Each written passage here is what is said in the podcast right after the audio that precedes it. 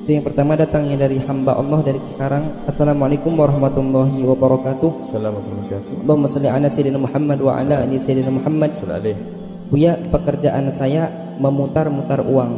Memban memutar-mutar uang. Membantu para tenaga kerja yang butuh uang.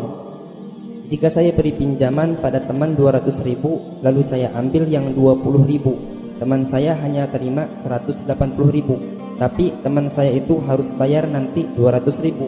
Kapan pun dia mau bayar tanpa ada batasan. Yang penting dia harus bayar nanti 200 ribu. Apakah uang yang saya ambil ini termasuk haram dan riba? Jawabannya adalah sederhana. Ada orang pinjem duit kepada saya 200 ribu. Saya pinjemi 200 ribu tapi saya potong 20 ribu. Ini bahasanya orang bulat. Berarti pinjemnya bukan 200 ribu. Pinjemnya 180 ribu. Baliknya 180. Kalau balik 200 namanya apa? Riba.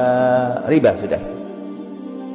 Nah ini termasuk perlu namanya ilmu Kadang orang ingin berbuat baik tapi salah. Maksudnya kan baik nolong oh orang, tapi dia melakukan satu dosa besar namanya riba.